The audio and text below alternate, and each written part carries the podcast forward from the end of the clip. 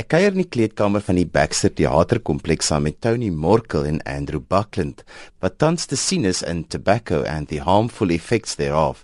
Ek wou by Andrew weet waaroor die storie gaan. A man has been instructed by his wife to give a public lecture for charity about uh, the harmful effects of tobacco. But uh, as soon as he starts, he just wanders immediately off the subject from tobacco because it becomes an opportunity for him to speak about his life and he, particularly his relationship with his wife. Um, and it becomes an amazing kind of channel where the audience can be brought into this extraordinary world of the two of them. Dis vir Tony Morkel en terugkeer na 'n lang afwesigheid sedert 2006 na die Baxter Theaterkompleks. That's correct. We were with Sylvain's The Travellers. Um, so it's exciting to be back here, especially with Andrew. Hierdie stuk is 'n samewerking tussen twee Standard Bank jong kunstenaarwenners. Andrew Buckland vertel van die samewerking. Yes, I can't remember what year Sylvaine was, but I was way back in 86. uh, but we have been plotting to work together for many years, and it's come close a couple of times. Um, but then when we started working, it became clear that the timing was just dead right. And uh, the collaboration really also includes the writer, William Harding, who's done an extraordinary job, and particularly for someone of his age, to craft um, a trajectory for an actor through the, the, most beautiful writings drawn from Kafka, Jane Austen, Chekhov, all these amazing writers. So the quality of the word is so amazing. And the cr- theatrical craft in making that has just been a real joy to work on. And then you've got the genius of Sylvaine Strike to kind of guide you. In fact, it's easy. She just tells you what to do and you, and you do it. And she laughs and then it works. Mm. And then to have Tony to build up the life of these two characters has just been an absolute gift for an actor. Die stuk het 'n uiters suksesvolle speelvak gehad by die Nasionale Kunstefees op Gramstad.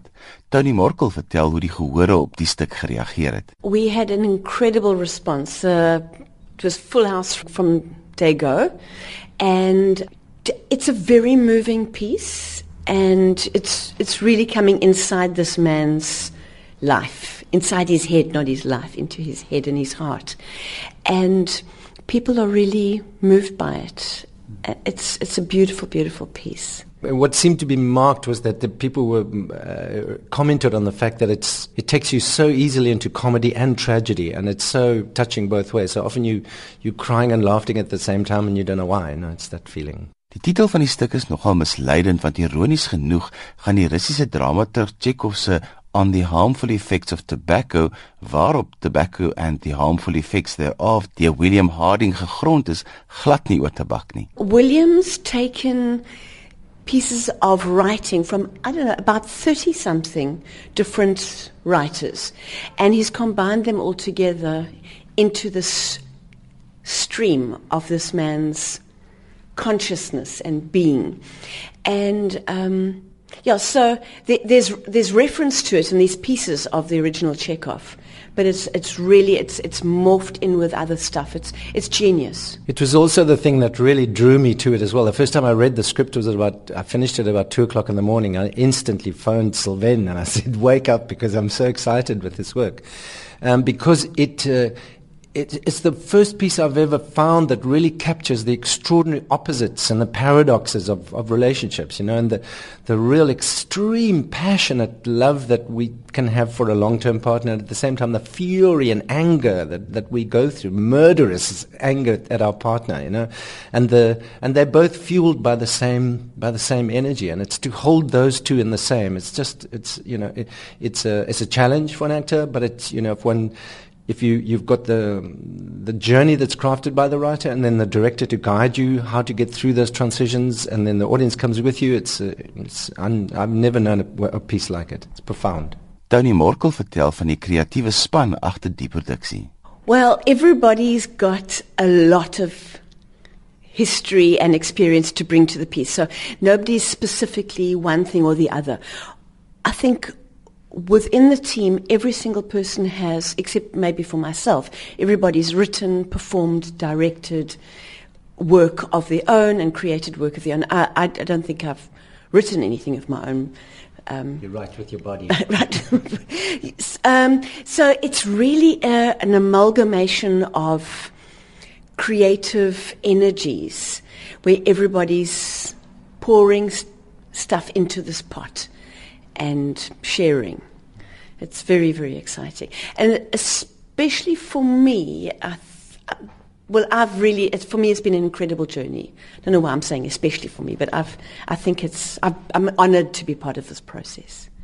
Andrew, it's about two hours before you go on stage. What's going to happen from now until curtain up? Um, as soon as you walk out, I'll get changed. We'll get changed into warm-up clothes, and then spend about an hour or so doing a, a sort of extensive physical warm-up. Um, the older we get, the longer it takes to do that warm-up, um, and then some vocal work, and then just some time to settle into the world of the play and kind of separate it from one's normal life, you know. Um, so there's a, a, ritual that we fall into, um, or that we kind of establish and set up in the two hours run up to the show, just to find our way to the beginning. So you can really find um, easy concentration at the beginning. Ek wou by Andrew Buckland as een van ons land se voorste fisieke teater en mimiekkunstenaars weet hoe dit in hierdie stuk aangewend word aangesien die regisseur Sylvain Struik ook wydlopende ervaring op hierdie gebied het. The word is physical. You know, the, just the, the sound is physical, and the making of it, the, the creation of the sound in the mouth, um, doesn't just happen with the mouth. The whole body is a part of that in terms of resonating but creating the word. And the way that the body is used here is not necessarily drawing attention to itself as a, as a, um, a discrete creative mechanism, but it's. Know, um, Sylvaine is very good at creating a kind of seamless combination of all the aspects of theatre, of the light, of the sound, the voice, the body, that they're all working and sometimes against each other, so that it evokes um, a different kind of experience for the audience. You know, that they're receiving information on so many levels, some of them subliminal and others visceral, others intellectual, purely emotional. So that um, the physical as a part of that is a, is a crucial element, and it's, it, it has its own place in the whole. In die Baxter se flip side sit die gehoor naby aan die stuk. Dit voel baie keer of jy na 'n wye doek fliek kyk as gevolg van die uitleg van die teater. Tony verduidelik hoe dit bydra tot die ervaring van hierdie stuk. It's a man in a community hall delivering a lecture that his wife has demanded him and he really needs to engage with the people in the community who've come to listen to his lecture.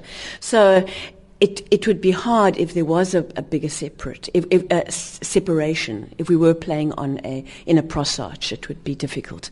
So it, it's a little bit wide. It's a bit of a challenge, but um, everything can be overcome. So anyway, there's something nice about that. That the, the sheer space of it just kind of dwarfs him, puts him in, in this little man in, an acute universe. So the, the feel is right. Mm.